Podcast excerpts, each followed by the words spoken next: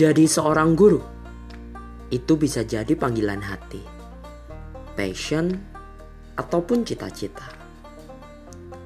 Namun, apa jadinya kalau jadi guru hanya tuntutan orang tua? Atau bahkan hanya ikut-ikutan? Ini podcast aku yang akan ngobrolin dari sisi seorang guru. Karena guru juga manusia. Halo, Mr. Edo di sini.